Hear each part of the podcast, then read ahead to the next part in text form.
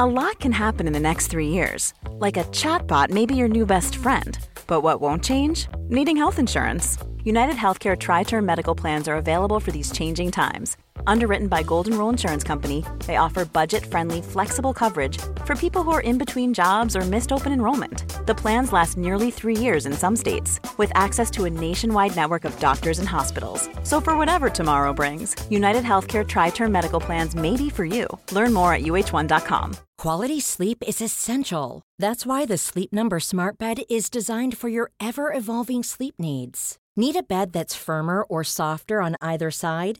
Helps you sleep at a comfortable temperature? Sleep Number Smart Beds let you individualize your comfort so you sleep better together.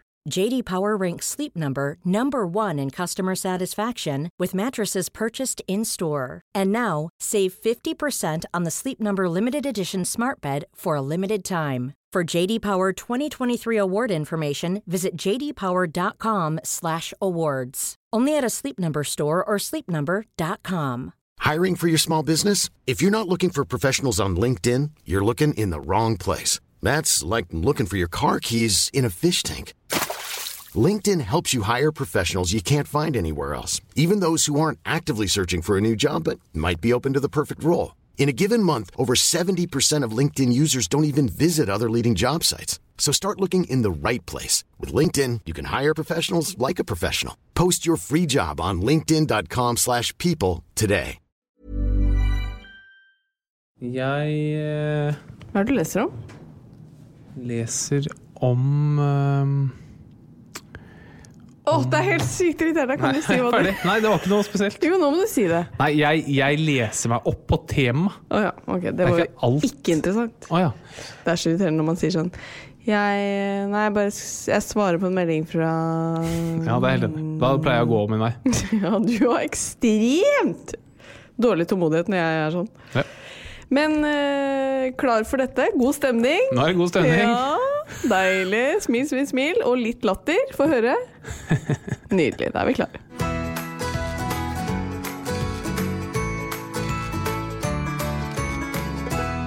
Hallo, og så hyggelig at akkurat du hører på vår podkast Åpen journal. Hallo. Det var ny! Eh, ja, det var det. du sa det. Du sa hallo. Ja. Jeg sier, det høres ikke noe rart ut. Hallo. Hallo. Men du slutta å si tusen takk? Tusen takk. Ok. Eh, hyggelig at du er med, Harald. Hjertelig takk for det. Og nå skal jeg komme med et lite tips, eh, og det er om vår annonsør eh, Boots apotek. For de er faktisk veldig gode på å gi gode råd og tips til folket. Det er helt riktig, og tar du turen innom Boots apotek, så kan du være helt sikker på at du får hjelp fra dyktige farmasøyter og autorisert helsepersonell som hjelper deg å finne løsninger på dine helseutfordringer. Og nå i november så settes det jo fullt fokus på en helseutfordring for dere menn, og det er nettopp menn sin helse det skal handle om her i dag, når vi skal snakke om prostata og prostatakreft. Eh, så det blir eh, fint, og ikke minst viktig. Og så kommer komiker Truls Svendsen. Det gleder jeg meg masse til. Nettopp. Han har med seg sin prostata. Ja, det har du òg. Kort spørsmål Ja. før eh, vi setter i gang. Har kvinner prostata? Det har jeg hørt At at vi har. Ja, så bra. Under hvilket semester på medisinstudiet ved Det medisinske fakultet i Oslo hørte du det? Det bare kom til meg. Jeg vet jo egentlig at vi ikke har det. Vet du det? Ja. Eh, Men, men ja. dette, er litt, dette er litt interessant med, med prostata. Men altså, jeg, jeg, jeg, jeg hadde skjønt spørsmålet fra veldig mange. Men jeg er litt skuffet over at det kommer fra deg. Ja, det skjønner jeg veldig godt. Men jeg er veldig spent på denne ukes uh, Kamasutra-spalte. Ja, men først fordi du innledet med å si veldig glad for at du hører på, og du tenkte kanskje ikke på meg. Mm, jo, absolutt deg også. Ok, Men uh, andre, og tenkte sånn, kanskje man skulle ta en liten uh, shout-out, som eh, Jan Thomas sier, til de som er alene. Ja, det gjør vi. Fordi det er ganske mange som sitter alene og ikke får besøkt noen, og det er mørkt og trist ute. Det er litt sånn ekstra um, vondt, tror jeg, å være ensom nå. Hvis du eh, sitter alene, og du syns det er litt mørkt og trist, og det er liksom, kanskje man er til og med permittert, eller man får ikke sett familien eller folk man er glad i, da vi er glad i det. Og det kommer bedre tider. Um, og skal vi komme med et forslag til hva man kan gjøre hvis man føler at det er en litt sånn seig dag? Ok? Jeg ville gått inn på YouTube, jeg. Nei, vet du hva jeg ville gjort? Nei, jeg vet ikke Nå hva skal jeg si hva jeg syns dere skal gjøre. Dere skal gå inn på tv2.no. Dette er ikke betalt av min arbeidsgiver, altså. Men på TV 2-nyhetene forrige uke så var det altså tidenes morsomste nyhetsinnslag, syns vi. Ja. Og det er da en fyr som ehm, som eh, har Han savner å reise, så han har bygget opp liksom, flysetet på kjøkkenet sitt. Og setter seg der, der og later som han skal på tur. Altså Det høres ikke så Ja, men, altså, det, han, han har kjøpt gamle flysetter fra SAS, som står på rekke og rad inne på kjøkkenet sitt. Og så spiller han inn selv sånn uh, kapteinsmonolog. sånn Ja, mine damer og herrer, velkommen til flight A612 til Malaya. Så spiller han det inn, Kjempegøy! og så setter han seg da i flysetet, Ja. og så spiller han av denne lyden fra kapteinen. Og så Og- ja. tenker han at han er på tur. Ja. Så det dere må søke på, nå fant jeg det her. Gunnar reiser til Syden på sitt eget kjøkken. Den kan du gå inn på TV2 og se på. Lover at det gjør dagen din kanskje litt lysere. Ja, gjør det. Det, det er absolutt en måte å få eh, litt lysere tider på. Ja. Og husk at vi er faktisk veldig glad i det. Ja, så hyggelig, Harald. Ja. Um, og så, før vi går videre til din spalte, så tenker jeg jeg skal bare si ifra til familien. Fordi min søster Bettina har sagt at hun klarer ikke å høre på podden lenger. Etter Oi. at vi begynte med Kamasutra-greiene dine. Så Bettina, nå kommer det. Spol over eh, Er det dette. fordi lystene vekkes? Nei, jeg tror ikke hun orker å høre på de greiene der.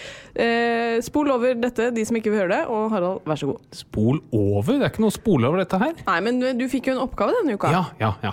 Jeg har jo da hatt eh, ulike posisjoner fra Kamasutra i håp om at det skulle være noen eh, frukter som ville åpenbare seg. Det har det overhodet ikke vært. Nei. Det har vært ganske ty tyst. Men jeg skulle finne en stilling som eh, ikke var så veldig krevende og akrobatisk. Mhm. Den skulle være postfødselvennlig post-fødsel-vennlig. Yes. Og da fant jeg den riktige posisjonen. Okay. Og den heter curled up.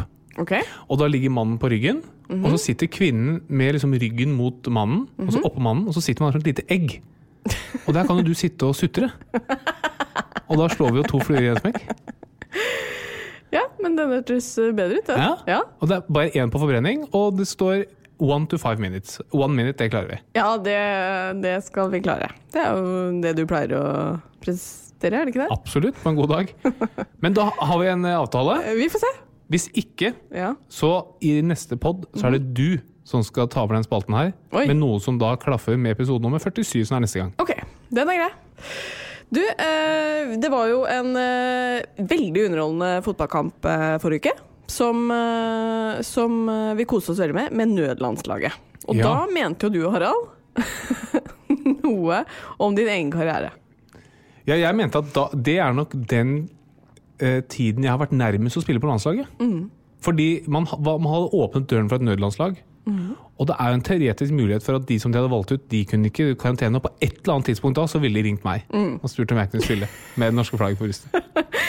Og det er sant, du kommer ikke nærmere enn det der, tror jeg. Eh, men det var fantastisk gøy å se. eh, for en innsats de la ned. Du bare så at de, de blødde for drakta, liksom. Eh, men jeg også så for meg at det liksom kom til å bli sånn Ja, da trenger vi en midtstopper. En midtstopper. Og så er det en eller annen sånn Roar fra Honningsvåg som melder seg. Altså, det hadde jo vært veldig gøy, da. Ja. Å bare sende et virkelig nødlandslag til et mesterskap. Det håper jeg egentlig litt skjer. Kanskje det er sånn fremover. deg, Til OL også. At, at de må liksom bare virkelig gå langt ned på lista. sånn. Ja, hvilken, hvis hvis du skulle tenkt deg en idrett du, du kunne hatt sjanse i, da. Hvis det var sånn ok, vi trenger en i Hva hadde det da vært? Det finnes jo sånne sovekonkurranser, Ja. men det er kanskje ikke en OL-gren. Nei. Da jeg tipper jeg ville kunne vært eh, helt midt på treet. Jeg er så dårlig i sport. Ja, du er ekstremt dårlig i sport. Hva tror du hadde fungert som? da? Um, kulekaster? Ja. Ja. Det kunne, det er jo ofte litt røslige, vet du. Ja, Litt sånn stutte, kraftige folk som bare skal kaste noe ganske langt. Mens jeg, jeg tror helt beskjedent volleyball hadde vært eh, Jeg var veldig god i volleyball på videregående skole. Da vet dere det. Til Olympiatoppen er det litt eh, skrantent med utøvere. Vi stiller med det norske flagget på brystet. Ja, Noe vi ikke kunne stilt i, er jo sjakk-VM. Vi har jo sett den serien som heter Queen's Gambit på Netflix nå. Kjempeunderholdende gøy. Ja, den anbefales. Ehm, ja, virkelig. Eh, Men det har jo da kanskje særlig inspirert deg til å ville spille sjakk nå. Ja, jeg, er lett jeg lar meg veldig lett påvirke. Ekstremt. Og da lastet jeg ned en app på min iPad. Ja. Og da kan man sitte og spille sjakk på iPaden. Og det gjør da jeg og min kone. Veldig hyggelig. Ja, Problemet med oss er at vi, vi eh, får det veldig for oss hvordan vi skal på en måte ta den andre. Og så glemmer vi å se hva den andre gjør. Så? Vi flytter, flytter, flytter, og plutselig så mister du damen og alt som er. Ja, det er sånn, du vet Når du spiller elektronisk sjakk, så hvis du er, står i sjakk eksempel, og Ja. prøver å flytte noe annet, så får du ikke lov til det. Og det skjer ganske ofte. Er sånn, Hvorfor funker ikke brikken? Å, jeg står i sjakk. Nei, eh, så det, det tror jeg ikke vi har så veldig god sjanse i. Men jeg håper virkelig at han eh, Magnus skal spille snart, for jeg syns det er veldig gøy å se på sjakk. kjenner jeg. Skjønner ingenting. Nei? Nei. Siciliansk åpning, eksempel. Hva er det for noe? Hva? Det er at du, åpner, du tar fram bonden som er foran dronningen. Er det det? Jeg tror det. Ok. Eller det er, det er sikkert mer enn det, da. Ja. Men jeg tror det er starten på en siciliansk åpning. Kult. Hva er en fransk åpning? Det er eh, noe du har i trynet ditt. Nei, Nei. Det er i trusa di. heller ikke der. Heldigvis. Jo, jeg har det på den ene. Lykketrusa mi. Der er det en liten fransk åpning. Du har det på alle. Du har sånn hull i Altså, ja, de bokserne dine begynner å se Det skal du få til jul! Nei. Jo, Det skal du jeg ikke ha til jul. Jo, det skal du få til jul. Eh, vi må forresten snakke litt om julepynt eh, fremover, fordi eh, vi har litt forskjellig syn på hvordan man skal pynte huset til jul. Jeg gleder meg så Eh, mye til jul. Ja, Og så er ulempen at jeg bor sammen med en som hater jul. Men det, det er en lengre diskusjon som jeg tenker vi kan ta i neste pod. Okay. Det som er rart, er at vi ikke er mer på en måte uthvilt, for jeg føler vi begge er litt sånn susete i hodet i dag. For Bernhard har for andre natten på rad sovet i fem-seks timer i strekk. Det er fantastisk. Det er fantastisk, folkens! Jeg tror bare du ikke hører Du våkner ikke at han gråter lenger. Det håper jeg. Men jeg har kjøpt eh, nye hudpleieprodukter denne uka. Det har du! Ja. Hva er det du har kjøpt, da? Takk for at du spør. Takk for at du spør. Ja, Dette skulle være et kort svar. Ansiktsrens, toner, solkrem, antioksidantserum, eh, A-vitaminkrem. Og så kjøpte jeg en ny sånn øyekrem. Oi. OK, men eh, da er kanskje du ferdig skravla for eh, en stund? Ok. Eller jeg håper egentlig ikke det, for du skal jo fortelle litt om prostata. Ja. Ja. Min eller din prostata? Begges. Movember handler om å sette fokus på menns helse, og det må til, for vi vet at menn generelt er dårligere på å oppsøke helsevesenet med sine plager. Det skal handle om prostata her i dagens podkast. Og aller først, Harald, hvorfor tror du det sitter så langt inne for dere menn å gå til legen? Det tror jeg er flere ting, men jeg tror den tradisjonelle kjønnsrolleholdningen er ganske viktig. At menn skal liksom være tøffe og ikke vise sårbarhet. Så mm. Kvinner er liksom mer vant til å dele ting med venninner, f.eks., mens menn er mer vant til å holde ting for seg selv. Så er det også sånn noen ganger at man aner at det kan være noe skummelt, og så er man litt redd for å gå til legen, for da kan man få det bekreftet. Men prostata det er jo noe dere menn kan eh, få plage med etter hvert. Hva er egentlig prostata? Så prostata det er en liten kjertel som eh, er ca. like stor og har samme form som en kastanje. Og den kjertelen den ligger rundt urinrøret, like under blæren hos menn. Og den produserer en del av sædvæsken, som gjør at sædcellene kan svømme litt raskere. Ok, Det er funksjonen til prostata? Det er riktig. Ok. Hva slags plager kan man få med prostata? Eh, tre ting. Den kan bli betent, og hva heter det da? Eh, prostatitt? Yes, Alt som slutter på it er betennelse, så prostata som er betent, prostatitt. Så én ting kan bli betent, to ting. Du kan få kreft, i- altså ting nummer to, du kan få kreft i den. Ting nummer tre, den kan bare vokse øh, og bli så stor at den, fordi den er stor, skaper litt eh, plager. Klemme på urinrøret. Yes, Ja. Og da heter det hyperplasi. det gjør det. Ikke sant? Hva betyr hyperplasi, da? At den er eh, for stor? Ja, Hyper betyr jo for mye, og plasi betyr vel vekst. da. Ok, så det er det man kan eh, få litt problemer med. Men når man blir eldre, eh, så er man jo gjerne oppe om natta og tisser. eh, Og det er jo ett symptom som prostata kan gi. Hvilke plager må til for at man skal oppsøke lege? Ja, for det, det er helt vanlig. Det som er med prostata, den vokser gjerne gjennom hele livet. Og når den, i og med at den ligger rundt urinrøret, så når den vokser, så kan den da klemme av urinrøret. Og det betyr jo da at du får en svak urinstråle, fordi urinen klarer jo ikke å komme seg like fort gjennom prostataen der. Og så kan det også være at blæren ikke får tømt seg helt, fordi du alltid har dette trykket rundt urinrøret, så da klarer ikke blæren å tømme seg helt. Og det gjør da at man typisk må opp, opp om natten for å tisse, eh, og så kan du få sånn etterdrypp etterpå. Eh, og en del sånne symptomer som man før kalte for prostatisme. Og mange ser på det som normalt at du må opp om natten og tisse, at det er en del av det å bli voksen. Eh, Men vi sier det at mer enn én gang opp om natten, da pleier vi å behandle det. Og så finnes det heldigvis ganske god behandling eh, for dette her. Man kan gå inn og rett og slett gjøre prostata litt mindre. Ok. Brenner man det bort, da, eller? Eh, ja, altså man går inn i urinrøret faktisk, og så høvler man det vekk. Som en ostehøvel. Det syns sikkert menn er deilig å høre på. Ja, du får bedøvelse. Okay. Eh, ok, Men si at du har noen av disse symptomene, og du går til legen. Hva gjør legen da? Ja, altså først, ja, jeg glemte å svare på spørsmålet ditt. Det var sånn, Hvilke Ja. symptomer skal du ta? Så Hvis du er oppe og tisser mer enn én gang om natten, da vil jeg gå til legen. Hvis du, hvis du er oppe én gang og syns det er plagsomt, da kan du også gå til legen. Men for hvis du har blod i urinen, det er veldig guffent. Det skal alltid sjekkes og tas på alvor. Ja. For å ha sagt det. Ja. Men eh, hva undersøkes hos legen, da? Ja, så det eh, fins flere måter å undersøke prostata på. Så det ene er at vi undersøker urinen. Fordi urinen går jo gjennom prostata, for å si det litt enkelt. Sånn at eh, hvis man lurer på om det er blod i urinen, eh, for eksempel, som man ikke ser, så kan man ta en prøve av urinen for å se om det er blod, som tegn på at f.eks. prostata blør. Andre er at du kan se etter bakterier i urinen, for hvis du har bakterier i prostata, så vil du gjerne ha bakterier også i urinen. Eh, og så er det at man kjenner på prostata. Og prostata ligger veldig tett innpå endetarmen.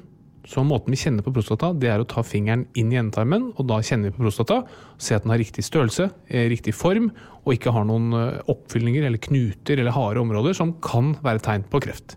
Mm. Og denne undersøkelsen den veldig eh, Den går jo veldig fort hos legen, og jeg tror veldig mange menn eh, vil synes at den ikke er så ille som man kanskje gruer seg til at den er. Ja, det er det. Det er ikke noe sånn spesielt eh, vondt. Eller, altså, det er alltid behagelig å ta av seg buksa og få en eh, finger i stumpen. stumpen. For mange av oss. Ikke for alle. Eh, men nei, det er ikke spesielt vondt, nei. Nei. Og vi leger, vi er vant til det. Men hvordan kjenner man egentlig forskjellen på en normal prostata og en syk en, da, hvis man kjenner på den? Altså, Den ene er størrelse. Den skal liksom være da igjen sånn cirka som en kastanje. Og så har den også en form som uh, kastanje. Altså Den har en sånn som to Det har sikkert et navn Ser som det Ser litt som en hjerte, eller?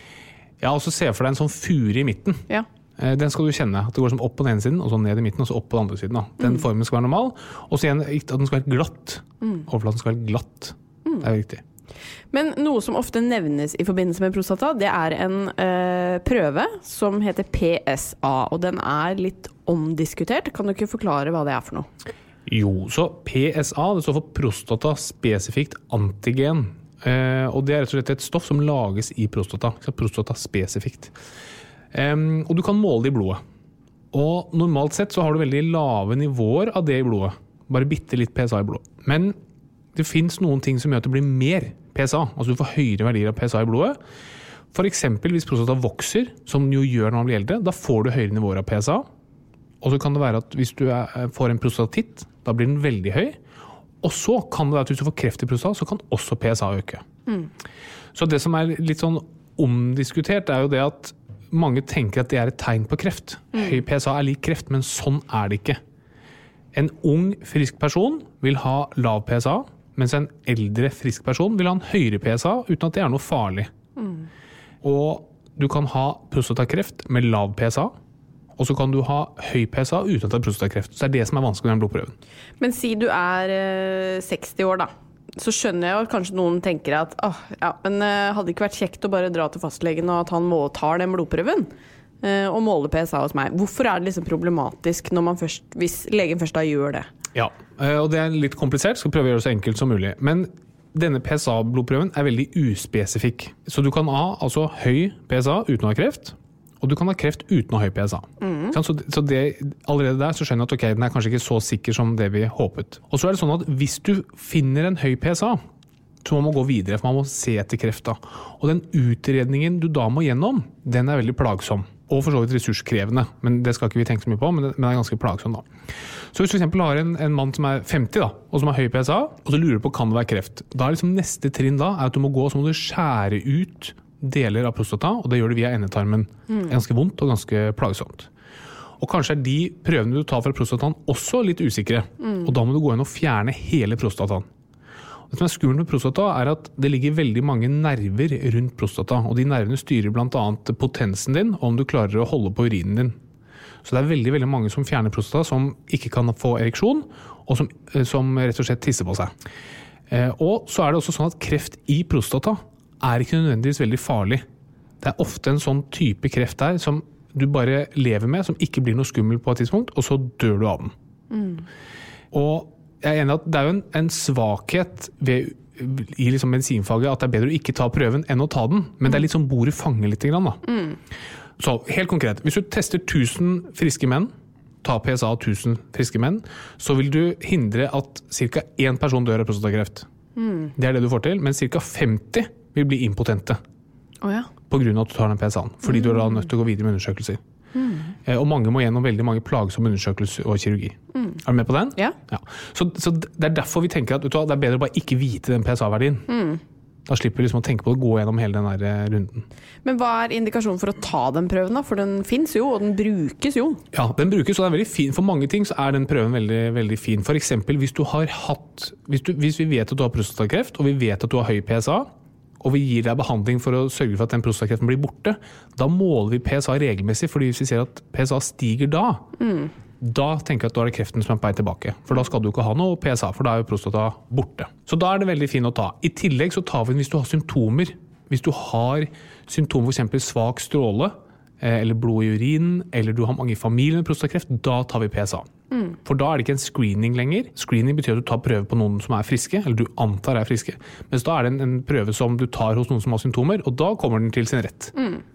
Men ikke sant, prostatakreft er den hyppigste kreft, eh, kreftformen hos eh, menn. Hvordan forløper den type kreft seg? Så Prostatakreft er veldig veldig vanlig krefttype. Mye vanligere enn brystkreft, eksempel, selv om man kanskje hører mer om brystkreft. Da. Og Grunnen til det er at eh, prostatakreft treffer gjerne litt eh, eldre en, en eldre befolkning.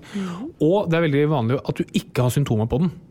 Um, Det høres jo skummelt ut, da, tenker jeg. Yes, det er, det er veldig skummelt. Og det som også er, er det at veldig mange vil argumentere for å ta prøven. Eh, for å ta PSA-prøven, fordi de selv har fått oppdaget sin kreft med det. det. Det ser vi ganske ofte. Pasienter som sier sånn Ikke hør på legen, gå og ta PSA. Fordi de selv har Det var sånn de oppdaget sin egen kreft. Og det, Jeg skjønner også det argumentet. og Derfor jeg sier at det er en svakhet at ikke vi vil vite svaret på prøven. Vi, må liksom, vi må klare å skape et helsevesen som er bra nok til at du klarer å tåle å ta den PSA-prøven. Og Det tror jeg kommer til å bli fremover. at eh, Si at man kan ha, ta PSA med jevne intervaller. Og si at ok, Harald sin PSA den ligger på det og det nivået. Oi, nå går den opp. Det kan være eh, tegn på kreft. da. Men å bare ta som én PSA på et tidspunkt, det gir oss da ikke så mye. Ja, men så- så Det vanligste er faktisk å ha noen symptomer med prostatakreft. Og Så kan man da selvfølgelig ha eh, at du mm, har blod i urinen, f.eks., eller svak eh, stråle, eller at man kjenner at en liten knutte i prostata når man gjør en rektalekspresjon hos fastlegen. Og så er det sånn med, med kreftbehandling er at den kan, all kreftbehandling kan liksom i utgangspunktet deles i tre. Du kan forgifte svulsten, du kan skjære vekk svulsten, eller du kan bestråle svulsten. Dette er ikke helt riktig, men det er ganske riktig. Og ved prostatakreft så bruker du alt dette her. da. Du skjærer vekk prostata hvis du tar kreften veldig tidlig. Eh, hvis den har spredd seg, da må du gi stoffer som cellegift eller hormoner, eller du kan bestråle eh, eh, kreft som har spredt seg. Og hvordan er det med overlevelse ved den type kreft, da? Så det er jo sånn med veldig mange typer kreft at det handler om hvor tidlig du får fanget opp, og hva slags type kreft det er. Men hvis du ser på absolutt alle som får diagnosen prostatakreft i Norge, så er det ca. 95% som lever i mer enn fem år. Så det er ganske bra. Men uh, i og med at det er en type kreft som uh, ikke har så mange symptomer, fra hvilken alder og hvor ofte bør man sjekke prostata? Ja, der er det litt sånn forskjellig fra land til land. Og i Norge så sier man at du skal aldri teste prostata hvis ikke du har symptomer. Ja, Som høres på en måte litt skummelt ut, da, Ja, det, tenker jeg. ja, det gjør det. Når man vet at den ikke gir, gir lyd fra seg hvis det Ja, det er helt riktig. Så det, det er det som er litt vanskelig her. Eh, men hvis ikke du har symptomer og ikke har noen opphopning av den familien, da gjør vi ikke noen undersøkelse på, på den. Ikke når man eh, runder en viss alder heller? Nei. Og jeg trodde det var en del Nei, ok. Så det er ikke, det er ikke noe ledd i, i utredningen i Norge. Men i eh, USA eksempel, så anbefales det regelmessig for de som er over 50 år. Mm. Hva kommer du selv til å gjøre, da? Eh, jeg kommer nok selv til å Ja, det er et godt spørsmål. Jeg, jeg tror at når jeg blir 50, som er 19 år til, da har vi mye bedre systemer. Jeg tror det kommer mye bedre systemer fort. Jeg kan være med å lage det, egentlig. Fordi, eh, fordi vi trenger et bedre svar. Og det, det som også er veldig vanskelig, at vi leger sier nei, ikke ta den PSA-prøven, ikke gjør det. Og så kommer det folk som har eh, enten opplevd det selv, eller har noen i familien som har hatt det, sier jo, du må gå og ta den prøven. Men skader det å gå til fastlegen og bare få kjent på den, da? Nei, det, det gjør det nok ikke. Eh, det, altså det skader ikke. Det, det, det er mye bedre enn å ta en, en PSA. Ja, det var den jeg tenkte på nå. Altså en, en Og ja. Eh, Det kan, det kan nok gi en bra trygghet, men den er, det er også en veldig uegnet prøve til å verken diagnostisere eller avkrefte kreft. Men, men det er noe god samfunnsøkonomi i å gå og sjekke prostata med fingeren sin, fordi man kan sove litt bedre om natta. Selv om det mellom oss to og de som hører på, sannsynligvis ikke gjør at du kan sove så mye bedre om natta. Nei. For du kjenner jo bare på en veldig liten del av prostata. Ja, ja. Mens, eh, mens kreften kan jo oppstå i alle andre deler, og typisk oppstår den også i andre deler enn akkurat den, det stedet vi kjenner. Mm. Men testikkelkreft er en annen type kreft, eh, som er den hyppigste kreftformen blant yngre menn. Eh, Det har en gjennomsnittsalder på 28 år. Hva er symptomer på det? Eh, altså Testikkelkreft, det, da kjenner du gjerne en kul i testikkelen. Det er ganske vanlig. Eller at du kjenner at eh, testikkelen bare er forstørret. Litt sånn diffust, eh, mye større enn den andre. Eller at du kan kjenne sånn tyngdefornemmelse. At det er sånn plutselig en veldig tyngdefornemmelse på den ene siden i, i pungen.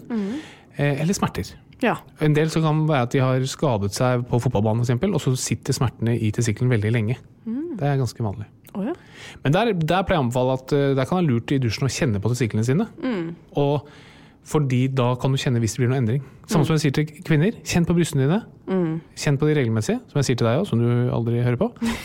Da, Jo, men jeg syns det er ubehagelig, og det vet jeg ikke hvordan det er for dere menn, men jeg syns det er vondt og, og, og litt sånn ekkelt å kjenne etter kuler i brystet. ja, og kvinner har jo mye kuler i brystet. Altså, det er mye eh, Det er ikke et veldig homogent vev. Og det er ganske vanlig. Mens, mens disse kulene eller disse forandringene man kjenner de, skal, de forandrer seg med menstruasjonssyklus og går litt sånn frem og tilbake. Så det er derfor det er fint å bare kjenne til brystene sine. For hvis du kjenner noe Oi, dette er en type kul jeg ikke har kjent før. Eller dette er en kul som ikke går bort. Da skal det undersøkes. Og det er samme med gutter. Kjenn på testiklene deres. Ja. Og hvis man lever i et sunt og godt parforhold, kan man også få kona si til å kjenne på testiklene innimellom. Det er en annen måte å gjøre det på. Et lite godt tips der, altså.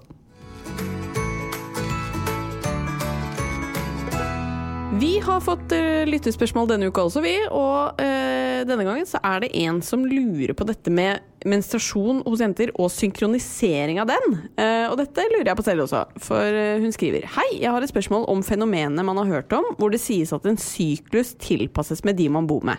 Bor selv i kollektiv med tre andre jenter. I begynnelsen hadde vi forskjellige menstruasjonssykluser, men nå er de synkrone. Er det tilfeldig en myte, eller stemmer det, Harald? Nei, det stemmer. De som- Gjør det det? Ja, ja. Man får synkronisert menstruasjon. Hæ, hvordan er det mulig? Ja, hvordan er det mulig? Nei, Det er veldig, veldig fascinerende mm, fenomen. Og mm, vi tror det liksom skyldes noe vi kaller feromoner, som er sånne små hva skal vi kalle duftmolekyler som eh, vi mennesker skiller ut. Og som da plukkes opp av andre mennesker, og så synkroniserer det forskjellige fysiologiske prosesser, som menstruasjon. Jøss. Men jeg, det har du sikkert ikke svaret på, men man blir jo nysgjerrig på hvorfor det er sånn. Altså, Har det evolusjonsmessig eh, blitt sånn fordi damene skal være fertile på samme tidspunkt, liksom? Det må være evolusjonsmessig årsak, da. Det man kunne tenke seg, er jo at jeg tror at evolusjonsmessig så er det veldig lurt for kvinner å holde seg til én mann. Fordi man får barn, og det barnet trenger beskyttelse osv. Så, videre. så man kunne tenke seg er det at hvis du bor i en gjeng med ti damer, og når du fikk menstruasjon, så stakk jeg bare til en annen dame. Det ville vært veldig dumt for deg. Og da er det bedre at alle kvinner får menstruasjon, for da liksom, uansett hvilken dør jeg banker på, så er det samme svar. Kunne, kunne, dette vet jeg ikke, da. Men det, det kunne vært en plausibel forklaring. okay. Ja, men kult. Da har vi fått uh, rett og slett bekreftet en myte i dag. Det syns jeg var gøy. Ja.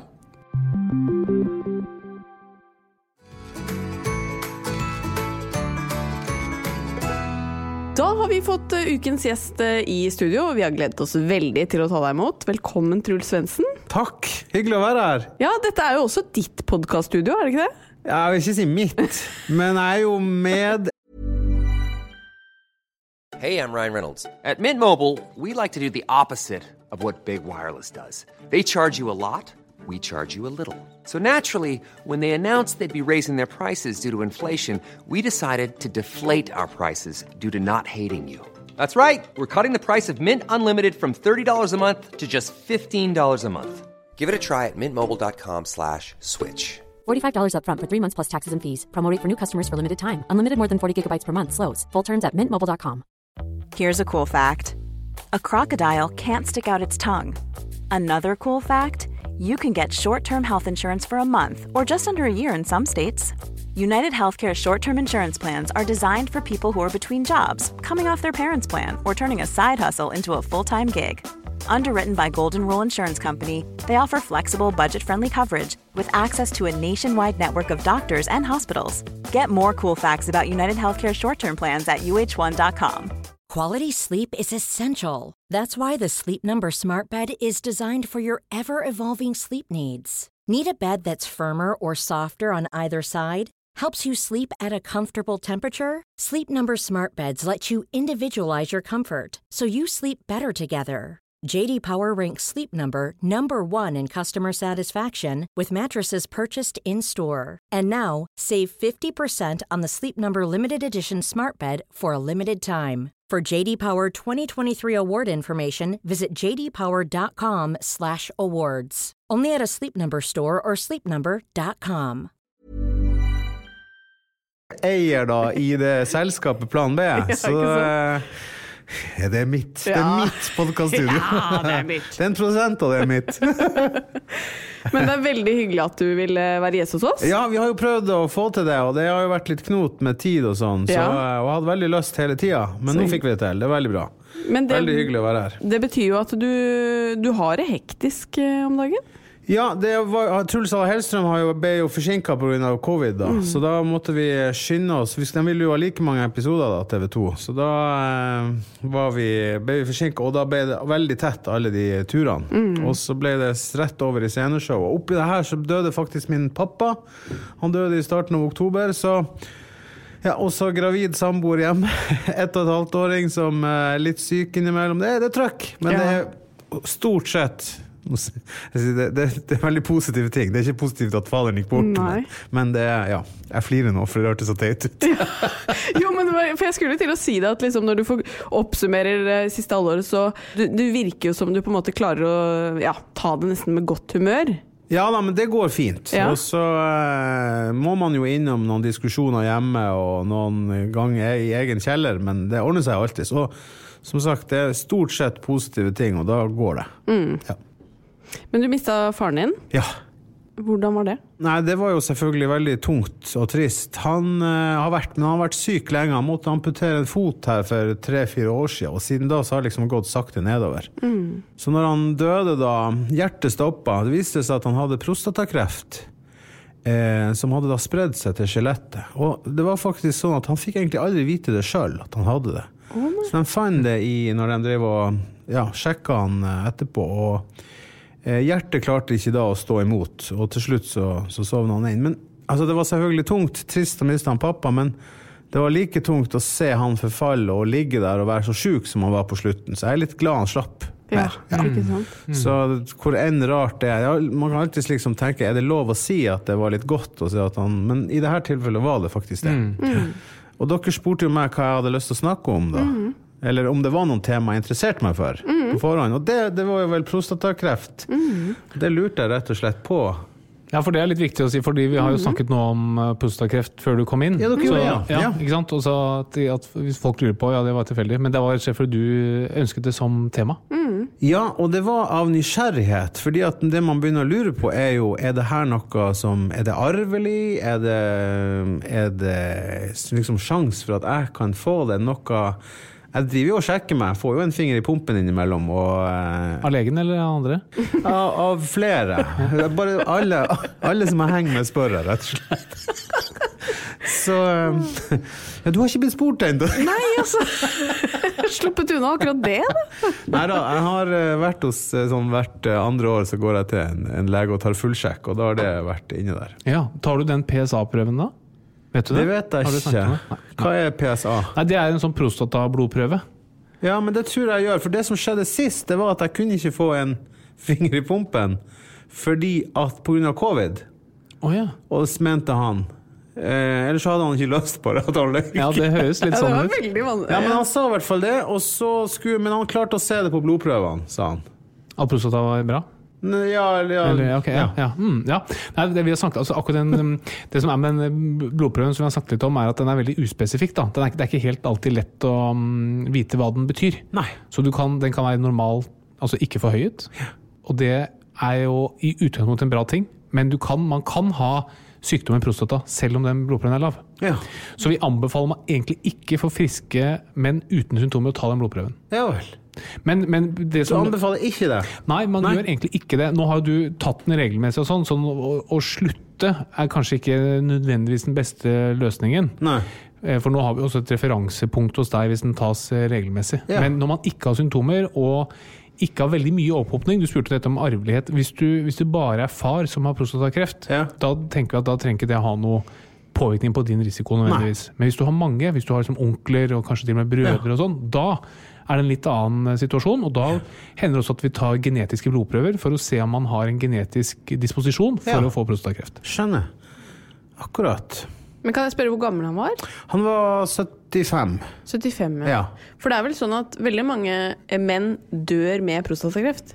Ikke sant? Ja, det har jeg skjønt, at den er veldig snikende. At mange dør med det, men veldig få dør av det. Helt riktig. Så Ja. hvis du er på, altså på 75-åringer, så øh, husker jeg ikke tallene helt i hodet, men, men si én av ti eller én av seks har nok prostatakreft på Ja. det tidspunktet. I, eh, faktisk. I en grad. Ja, i en eller annen grad. Ja. Du kan si Når det har spredd seg til skjelettet, så er det en litt annen historie. Da Da er det en mer eh, aggressiv type kreft enn det mange andre har, når man bare oppdager det tilfeldig. Men det er det som er litt sånn vanskelig med akkurat prostatakreft, er jo det at eh, du oppdager det gjerne ikke før det har spredd seg, eller før det gir symptomer andre steder. Ja. Fordi prostatakreft gir ikke nødvendigvis noen symptomer i prostata. Ja. Men man har jo fått liksom opp gjennom årene av fastlege sagt at kjenn gjerne på pungen, liksom, om det er noe kul der og sånn. Yes. For det er jo prostatakreft i så fall. Det kan være, hvis det er det. Nei, da er det testikkelkreft. testikkelkreft. Akkurat, selvfølgelig. Så det er lurt. Prostata, det ligger lenger inn, det. Det ligger litt lenger inn, ja. ja. Da må du kjenne opp i Ja, altså Jeg har spurt om jenter har det i dag, så Ja, her er ingen ja. spørsmål. Ja. Visste du det? Eller vi kan spørre deg, har jenter prostata? Nei, jeg vil jo tro at de ikke har det. Ja, det er helt riktig. Ja. Helt riktig. Nå fikk jeg veldig ledende. Jeg kunne, jeg kunne ha gått på en smell der.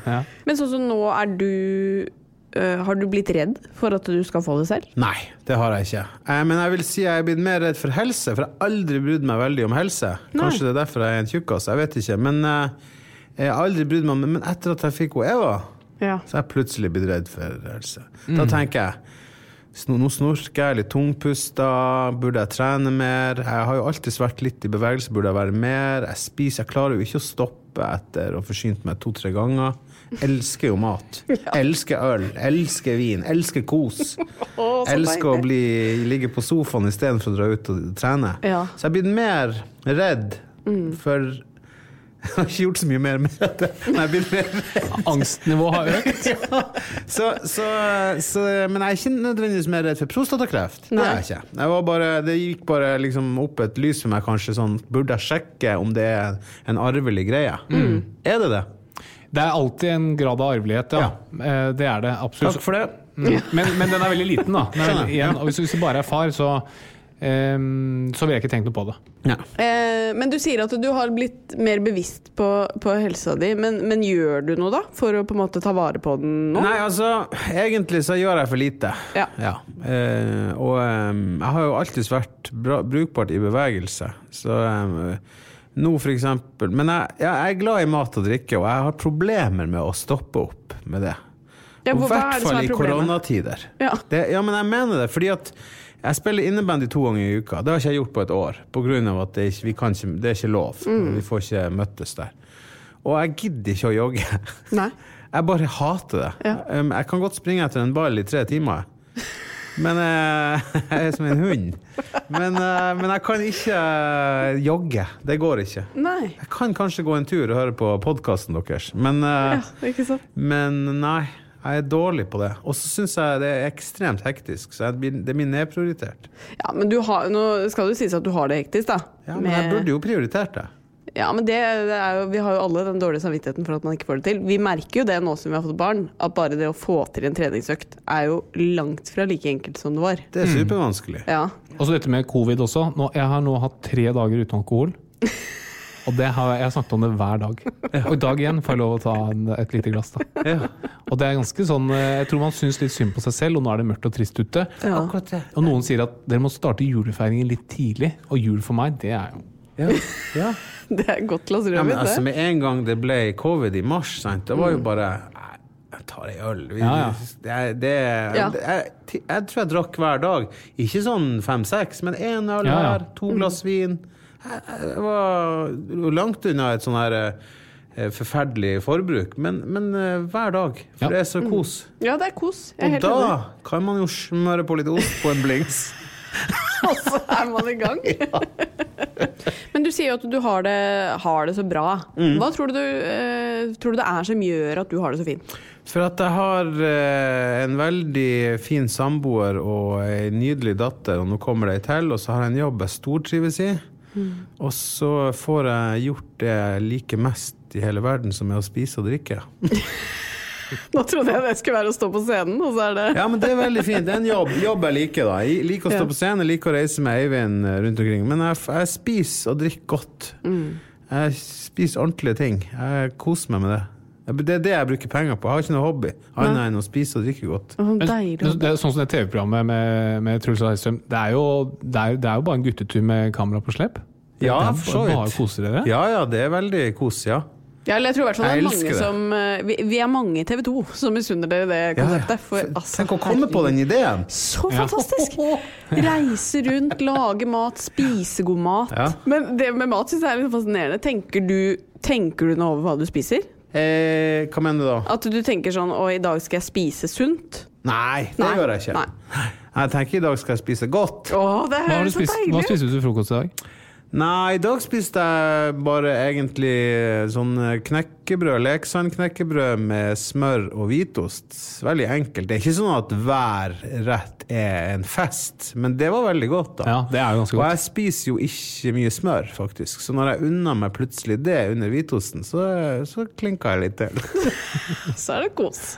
Men er det sånn at du gleder deg til middag eksempel, i dag? Ja. Hva skal du ha til middag? da? Vet du det? Nei, jeg tror faktisk i går så lagde jeg fiskeburger eh, fra scratch, og det ble litt avbrutt. Så det ligger noen gode fiskeburgere som antagelig blir spist ordentlig i dag. ja. Og det er jo helt nydelig, Ja. faktisk. Har du blitt veldig flink til å lage mat eh, nå på hjemmebane også? Jeg er blitt bedre. Jeg er Ja. ikke altså, veldig flink. Jeg, det er lang vei å gå på by Hellstrøm, Jo, men, du eh, ser men jeg er blitt bedre, ja. ja, for i programmet nå så syns jeg du er veldig flink. Ja, jo da, absolutt. Det er blitt bedre, det er det. Og, eh, men eh, ja, nei, det der er en lang vei før man blir sinnssykt god. Mm. Så jeg kan jo ikke alt om mat, men jeg, jeg er mer opptatt av råvarer og mer opptatt av eh, som, hvor maten kommer fra i det hele tatt. Mm. Ja. Rett før vi startet innspillingen i dag, så sa du noe som overrasket meg veldig. Ja, ja. Og det var noe om eh, at du ikke Altså, du liker å stå på scenen, men Ja. du har litt angst for å stå på scenen? Ja, jeg har hatt eh, litt angst for det. Eh, angst for angsten, vil jeg si. Mm. Så jeg, jeg kan gå på scenen og stå der og så håpe at ikke at jeg skal få angst. Men det er så overraskende å høre deg Ja, men si. det er veldig mange som sier det, og hvis jeg prøver å forklare Åh, nå er jeg så redd for det, så sier alle til meg bestandig Ja, men det der går bra, du har gjort det der så mange ganger. Ja. Men det er en sånn rar greie som at jeg, jeg kan eh, Ja, som sagt, jeg går og går og gruer meg og gruer meg og gruer meg. Jeg har, lært, jeg har gått til folk og lært pusteøvelser, for det hjelper å puste. Jo mer oksygen jeg får inn, så jo mindre sjanse er det for å få det. Og hvis jeg har driv og folk flirer og alt sånt, så er det mindre sjanse å få det. Men jeg er min egen verste fiende, for jeg kan stå og sånn og her går bra, og det er god stemning, og folk flirer, og så kan jeg bare sånn et lite øyeblikk så sier jeg, Nå må du ikke få det der, Truls. Sant. Og Det er ingenting som har skjedd som gjør at jeg skulle få det. Men jeg kan, jeg kan selv, jeg er min egen verste fiende. Nå må du ikke få det. Og så kommer det. Og da stopper jeg, da stikker det i panna mi, da mister jeg litt sånn min mæle, og så står jeg egentlig bare og tenker på at jeg får det, mer enn hva jeg skal, at jeg skal bare fortsette. Og da, når du da skal si noe, og du blir ukons, og du står og tenker på å ikke få angst, så blir du jo veldig eh, sånn hakkete i praten. Du blir, du blir sånn eh, Du blir mer utydelig i det du formidler. Ja, du mister jo litt Ja, eh, og det påvirker deg enda mer. Så sier jeg 'herregud, hvor dårlig jeg forteller her nå'. Sant? Så du bare setter i gang. Sånn, sånn har jeg hatt eh, Og jeg har gått av scene og gått på igjen. Det Første gang jeg opplevde det, var et sjokk for meg. Da gikk jeg av, og så kom jeg på igjen og fortalte dem jeg, som hadde leid meg inn, at noen Truls han fikk angst. Nei! ja, ja, ja. Helt jævlig. Sa de det om deg? Ja, men jeg, de, og så, kom jeg, så fikk jeg kjempeapplaus når jeg kom tilbake. Liksom. 'Å, så tøff du er som gjør det'. Ja. Så husker jeg det var sånn der um, skjema for um, evaluering etterpå. Jeg, fikk, jeg tror jeg fikk ti seksere, og så fikk jeg ti enere. Altså, skjønner du? Ja, for Noen syntes det var bare ræva Ja, at jeg hadde fått, og noen syntes det var tøft at jeg kom på igjen. Ja. Så hadde jeg samme gjengen dagen etterpå. Eh, Ikke samme gjengen, men andre halvdel. Så første halvdel var på og hørte på det foredraget. Mens andre halvdel kom dagen etter. Og da valgte jeg å fortelle hva som hadde skjedd dagen før. Og da var det ingen problem. Nei. For da, var jeg, da hadde jeg liksom delt min angst. om det, da. Ja. Så, så det kan um, Det hjelper å fortelle om det, det hjelper å være åpen og ærlig om det. Jeg vet at mange har det. Glossofobi kalles det. Det er veldig fascinerende, og det du sier med at man er sin egen verste fiende, det er jo det, er det som er grunnlaget for all angst. Og, og, og Ja. mye av depresjon. Det er fantasien din. Ja. Det er den som, som, som får stikke av gårde. Tenk hvis ditt skjer, eller tenk hvis datt skjer, eller tenk hvis jeg er syk. Eller, Og klarer man liksom å få kontroll på den eh, fantasien, da er man, blir man litt sånn supermenneske.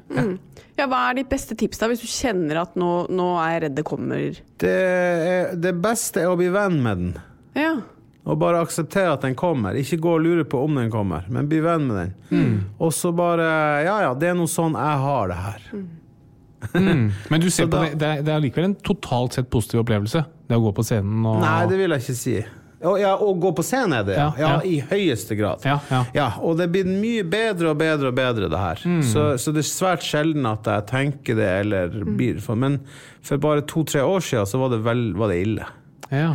Men um, det som er for når jeg gjør det sceneshowet mitt nå, så har jeg spilt manus så mange ganger. Så jeg kan faktisk stå der og kjenne at nå kommer det sakte, men da kan jeg manus så godt at jeg går nesten på autopilot, sånn at jeg glemmer det igjen. Ja, ja, nettopp. Så det hjelper veldig. Og all forberedelse hjelper. Det, det gjør det jo egentlig uansett. De som tenker ja, jeg er så easy, jeg går bare på scenen. All, det hjelper alltid å forberede seg. Eh, og så bare bli venn med angsten. Slipp han til. Ja. Da er det greit. du så du har prøvd masse teknikker. Er det, liksom, er det en kall retning eller noe navn på det? Er det liksom noe meditasjon? Er det noe sånt som Nei, det er pusteøvelser hovedsakelig. Ja. Eh, jeg bruker Jeg står gjerne og to inn med munnen, én ut med nesen. ja. Det Får du gjort det på scenen mens du før jeg går på. Ja, før du Ja. går på. Ja. Og så eh, har jeg holdt litt foredrag om ja, for Grønlandsturen, hvor jeg også forteller om angsten. da. Og da starter jeg alltid å fortelle om at jeg har en angst. Og det som skjer, er jo at i salen så sitter jo folk eh, med like Altså masse folk som har det. Det skal jeg love deg. Ja. Jeg tror det er faktisk den som Det er liksom 40 eh, av folket som har den eh, i en, en eller annen En eller grad, ja. grad, ja. Hadde du det på turen over Grønland? Nei, der får jeg det ikke, vet du. Nei, For der uh, står jeg ikke og snakker foran noen, vet du. Men jeg hadde det, ja. Før og etter. Ja, ja, ja jeg tenkte på om det var men, ok, men det er kun i forbindelse med når du står og snakker for noen. Ja, og det har jeg hatt i 10-15 år. ja. At jeg kunne komme. Alltid vært redd for hva som skulle skje. Jeg kunne være gjest på God morgen Norge, og så satt jeg og venta, og så ser jeg på klokka at nå er det 30 sekunder, 20 sekunder til vi går i gang. Sitter og så sitter jeg, ikke og, sitter jeg bare og tenker Håper det ikke slår inn. Håper det Ja. ikke kommer. Håper det ikke kommer.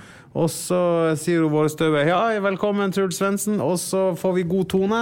Og så var det ikke noe problem likevel. Og så prater jeg. Men Noen ganger så har jeg svart litt sånn ja, ja, for da har jeg kjent at den driver og angriper meg. Og så må jeg bare jobbe meg inn igjen. Og det er jeg som ikke klarer å styre meg sjøl. Veldig irriterende. ja, men det er, det er Mm. veldig fascinerende. Og, og de hvordan man i noen situasjoner aldri får det, og så i andre situasjoner Ja, ja. kan ganske lett for å få det, fordi den der fantasien får lov å løpe Mm. løpsk. Og Jeg det er- har gjort 30 foredrag, og fem ganger har det skjedd.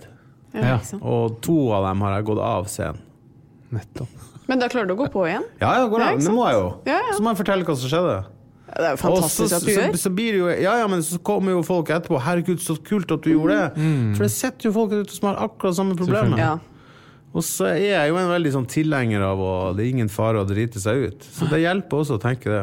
Ja, jeg tror jo at uh, vi lever heldigvis i en tid hvor dette er jo det er mye åpenhet rundt det, og man blir liksom applaudert for åpenheten. Og jeg Ja. tror det er liksom veldig fint for folk å, som, at, at ikke man trenger å sitte med det alene. Da. At man kan være helt åpen om det, og at man setter litt eh, ord på navn på det. Ja, for det viser seg jo at når det skjer, og jeg forteller om det, så føler jeg meg jo kjempebra etterpå at jeg gjorde det. At noen ble glad for at jeg gjorde det. Så, så det er bare det er jo, du, du blir jo en dust når du bare blir veldig selvhøytidelig og ikke vil dele ting. Men når du deler ting, så du, Folk som gjør det, de, man, man liker jo dem. Absolutt. Ja, ja, det blir litt sånn avvæpnende også. Ja. Og så er det litt fascinerende, selv om det kan høres litt paradoksalt ut, at du som står på scenen, også har litt Ja. angst for å stå på scenen. Da. ja. Men det, det går litt igjen, det der. Det er mange som har det. Mange skuespillere som sliter Ja, veldig. Og, mm, Og som presterer veldig bra når de skal. ja, ja. Nå er jeg veldig spent på å se hvor godt Truls klarer å prestere i quizen. Hva slags ambisjoner har du? Eh, Tror du at det blir seier mot meg? Er det jeg mot deg, ja? Ja. Eh, det vil jeg jo tro det blir. Den er grei. Nei, men eh, tema Ja, Hva er temaet, da? Temaet er prostatakreft. Oi. Oi. Ja, vi får se. Da kjører vi i gang med quiz. Og med oss i dag har vi forhåndsfavoritten Truls Svendsen. Velkommen. Å ja. Forhåndsfavoritt. Takk. Eh, Forhåndsfavoritt på bakgrunn av at jeg sa det sjøl? Ja. Og vi har forhåndsfavoritt til jumboplass. Stud med Katarina. Flatland Ja, Doble. da kan jeg bare overraske. Det kan du absolutt. Det gjør du til stadighet. Ja, takk for det. Og det Hvordan har det gått ellers i quiz? Eh, veldig blanda. Ja. Noen ganger imponerer jeg stort. Gjør du? Ja. Hvem imponerer du da? Meg selv. Først og fremst. Men eh, du vant forrige gang. Ja, det gjorde jeg. Da vant du et munnbind. Ja. Da vant uh, Lars Berrum en banantvist. Hva syns du om en banantvist, uh, Truls? Eh, En av de dårligste. Ikke sant? Jeg er helt enig. Det er jo noe spesielt med folk som liker banantvist. Ja, det, det er jo egen diagnose. Ok, første spørsmål. Ja. Vi starter med deg, Studmed Flatland. Hvor mange prostataer fjernes kirurgisk i Norge hvert år? Jeg vil tro eh, 5600. Ok, Truls. 1200. Truls vinner. Det er ca. 1600 som fjernes. Nei, Det var jo satan, altså! eh, tjuvflaks, da. Det var veldig For det er ca. rundt 4000 som får prostatakreft i år. Ok. Norge. Ok, neste spørsmål.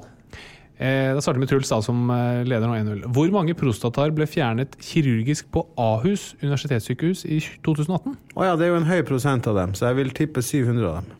Katarina? Oi eh, Det kom så veldig fort. Uh, 300. Da vinner nok jeg, for jeg tror det er enda høyere enn 700. Nei, det er det ikke nødvendigvis. 67. Oi! Så jeg fikk poeng? Ja, du fikk faktisk poeng. 1-1. Og jeg ville endre til høyere. Ja, ja, ja. Altså. Du ble, du ble veldig varm i trøya. Ja, ja, ja, ja. Neste spørsmål. Ja. Katarina. Hvor mange prostataer ble fjernet kirurgisk på den tyske Martini-klinikken i 2018? ja, den er jo veldig kjent. Er den det? Eller det er i hvert fall en tysk klinikk som er Du tenker kjent. på drikken, du. Ja, ja, det var den jeg tenkte på. Jeg vet ikke om den heter Martine, men veldig mange drar jo til Tyskland for å gjøre det. Ok, Ja. Eh, hvor mange som blir gjort? Eh, Totalt? Korrekt. 18 000. Truls. 18 000, ja. Mm. Det er jo ikke Det er jo et veldig godt eh, forslag. 18 500, tror jeg. Nei, riktig svar er 2000. Nei, er det sant? 2-1 til deg. Yes! Ja, 2 Fordi nå Ja, ja, Jeg ja. kunne ha sagt 17 500. Ja. Så det er derfor mange drar til utlandet. ikke sant? Fordi du vil gjerne dra til det stedet som fjerner flest mulig. For man tenker seg at som kirurg, jo flere inngrep du har gjort, jo Ja. bedre. Er det en fin ferieby òg? Det vet jeg ikke. Det mm, spørs om du slår de to fluene i Ja. samme smekk. Ja. Men det, det er jo viktig Apropos smekk, neste spørsmål om prostata. Neste spørsmål. Truls, hva sier kirurgene når de er ferdig med en vellykket prostataoperasjon? Det der gikk jo greit. Katarina? Ehm, det er jo et eller annet med prostat... Nei, de sier ta-ta! Nesten. De sier prostata. Er det sant?! Ja, den får du faktisk for. Den får du for. Jesus! Ja, den var fin! Takk for det. Så det var en vits der, Det var altså. en vits. Ja. Det kan være litt det også. 3-1. Tre igjen, da. Neste spørsmål. Truls, hvis du har problemer med stor prostata, så kan du få medisiner. Hva gjør den medisinen? Nei, den eh, Den gjør den litt mindre. Ok, Katarina? Altså, jeg, det, det er vel den type medisin som eh, også virker inn på blodtrykket, tror jeg. For jeg tror du kan få lavt blodtrykk av å gå på disse medisinene. Stemmer det? Eh, er det noen sånn alfablokker eh, som gjør at du får kanskje redusert blodtilførsel til prostata? Det er poeng til Truls. Det gjør prostata mindre. Nei, Ja, men det, det var jo flaks. det Så gjør enkelt jo er det. mitt svar også. Nei, du snakket om blodtrykk og blodmengde til prostata. Husk på at medisin er veldig enkelt. Ja, Hvis, problemet er at, hvis problemet er at prostataen er stor, så vil du ha prøvde du å dra inn et poeng der? Nei, det var, det var Nei, altså, det er tynt. Husk det, medisin er enkelt. Hvis problemet er at prostataen er stor, så tar du medisin som gjør at prostataen blir mindre. Men hva slags, Bra, Truls. hva slags type legemiddel er det? Nei, det er nok det er riktig det at du har både alfablokkere og eh, andre sånn um, testosteronblokkere. Ja. Men det var ikke spørsmålet. Å, fy faen. Truls forsto det. 3-2 til deg, Katarina. 3-2 til deg, Ja, Katrine. det Og nå Men nå er vi inne i, og nå er vi inne i. Truls sin verden her. Ja. Fordi hvilken, mat, skal vi snakke om skikkelig stor prostata. Okay. hvilken matrett anbefales fra det spanske urologforbundet? Truls. Prostata. Er det, er det vits? Det er en vits. Jo, det er en vits. Få litt tillit. Katarina, forslag? Eh, prost eh, Er det noe mat som eh, høres ut som prost?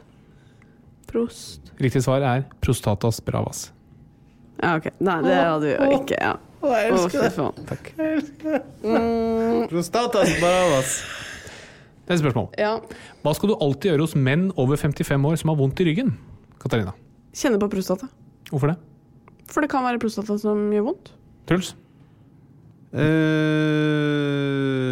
helvetes forbanna møkk og spørsmål.